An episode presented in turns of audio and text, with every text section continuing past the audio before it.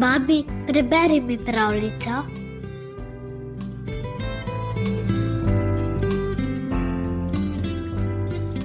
Prebrala bom kazaško narodno pravljico Čudežni vodnjak. Pred davnimi časi je živel Kan. Kan je poglavar oziroma poveljnik, ki je imel sina edinca. Bil je bogat, saj so njegovi konjski pastirji prignali k napajališču vsakič devetnajst tisoč konj. Vode v reki je bilo kmalu premalo, saj so jo konji vsakokrat na dušek izpili. Kan je sklenil, da se bo preselil kam, kjer je več vode. Prišli so do nekega vodnjaka in konjski pastirji so začeli napajati konje. Ko so vse napojili, je bilo v vodnjaku še vedno dovolj vode. Kanu je bilo jasno, da to ni navaden vodnjak. Ko je Kan umrl, ga je sin pokopal in začel skupaj s svetovalčevim sinom premišljevati, kakšen čudež se skriva v vodnjaku. Naposled mu je rekel: Poskusi se spustiti v vodnjak, mogoče boš videl, kaj je v njem. Voda je vedno čista. Svetovalčev sin se je spustil na dno vodnjaka. Ko se je oziral, je zagledal tik ob vodni gladini kamen, ki je štrlel malo iz vode. Odstranil ga je in zagledal hodnik. Pogledal je vanj in uzrl dolino, ožarjeno od sonca. Napotil se je po njej in prišel do šesterokrile bele jurte. Jurta je šotor. Ko je pokukal vanjo, je videl, da spi na puhasti postelji lepotica, okoli nje pa sedi štirideset prelepih deklic. Stopil je, pozdravil in se začel pogovarjati z njimi. Povedale so mu tole: Speča lepotica je hči kralja Peri. Omožiti se mora s tistim, ki bo povedal tri takšne zgodbe, zaradi katerih se bo trikrat zbudila. Vezirjev sin je začel pripovedovati vse mogoče zgodbe, a lepotica se ni zbudila.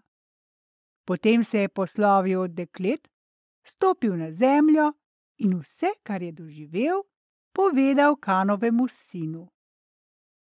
Ta se je spustil v vodnjak, stopil k lepotici, sedel k postelji in začel pripovedovati. Nekoč je živel Baj, premožen živinorejec, ki je imel tri sinove.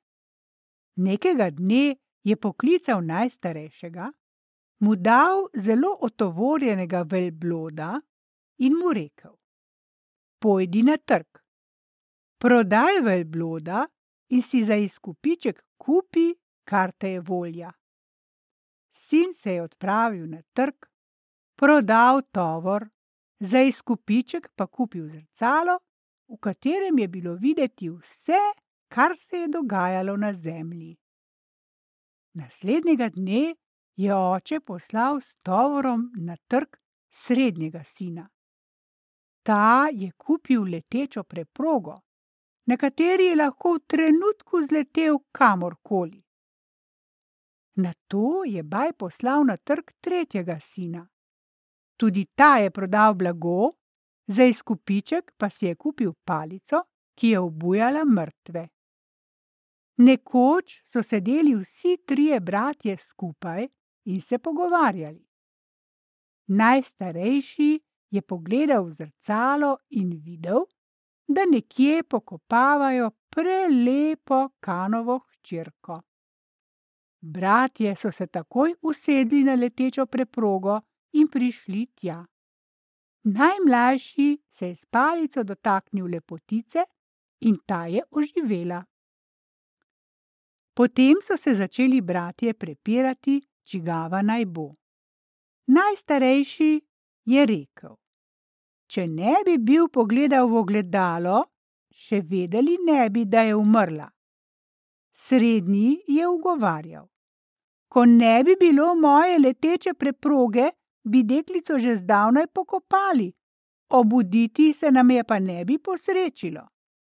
Najmlajši se ni strinjal ne s tem, ne z onim. Kaj bi nam pomagalo, če bi izvedeli za dekličino smrt in prišli na kraj pogreba, ko ne bi bilo moje palice, ki obuja mrtve? Kanov sin je zdaj vprašal dekleta: Kaj pa mislite ve, deklice? Deklice niso bile tega mnenja, zato so rekle Kanovemu sinu: Kar ti povej. Kanov sin je rekel: No, po moje bi moral vzeti lepotico najstarejši brat, tisti, ki je imel zrcalo. Če ne bi bilo zrcala, bratje sploh ne bi vedeli za mrtvo lepotico. Tedaj je speča lepotica odprla oči in dejala: To pa že ne! Dekle mora postati žena najmlajšega sina, ker jo je obudil. Kaj bi z mrtvo lepotico? Tako je rekla in spet zaspala. Kanov sin je začel pripovedovati drugo zgodbo. Nekoč je šel po stepi mladenič in nesel na hrbtu svežen trave. Ko je zagledal osamljeno kozo, jo je vzel s seboj. Kmalu zatem sta srečala volka, ki jo je prosil, naj ga vzameta s seboj. Prišli so do reke. Treba jo je bilo prepluti a čovnič je bil samo za dve osebi. Mladenič se je zmedel. Če bo najprej prepeljal svežen trave, bo volk požrl kozo. Če bo najprej prepeljal volka, bo koza požrla travo. Če pa bo najprej prepeljal kozo, potem volka in se vrnil po travo, bo volk med tem, ko se bo vračal, požrl kozo. Če bo prepeljal kozo, potem travo in se vrnil po volka, bo koza požrla travo. Povejte, deklice, kaj mora storiti, da bo prav? Deklice so odgovarjale vse mogoče. Ta je trdila to, druga drugo, malo je manjkalo, da se niso sprle. Tedaj je speča lepotica poskočila in rekla: Jaz bi naredila takole. Prepeljala bi kozo, potem pa privezala travo volku na hrbet in odveslala na drugi breg. Po teh besedah je takoj spet zaspala. Kanov sin je začel pripovedovati tretjo zgodbo. Pred davnimi časi sta živela mož in žena, ki sta imela sina edinca. Nekoč so šli vsi trije po stepi in deček je našel zlato palico, ki je bila velika kakor konska glava. Sam je ni mogel dvigniti, zato jo je vzel oče in jo odnesel domov. Doma jo je dal ženi in rekel, naj jo shrani in pazi, da je ne bi kdo videl. Minevala so leta, deček je zrasel, mož in žena sta čisto osivela.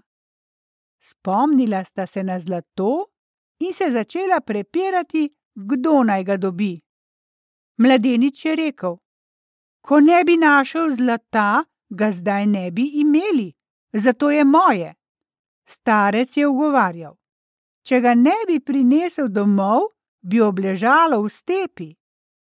Žena jima je odgovorila: Če zlata ne bi čuvala, bi ga že zdavnaj kdo ukradel in se danes ne bi prerekali zaradi njega.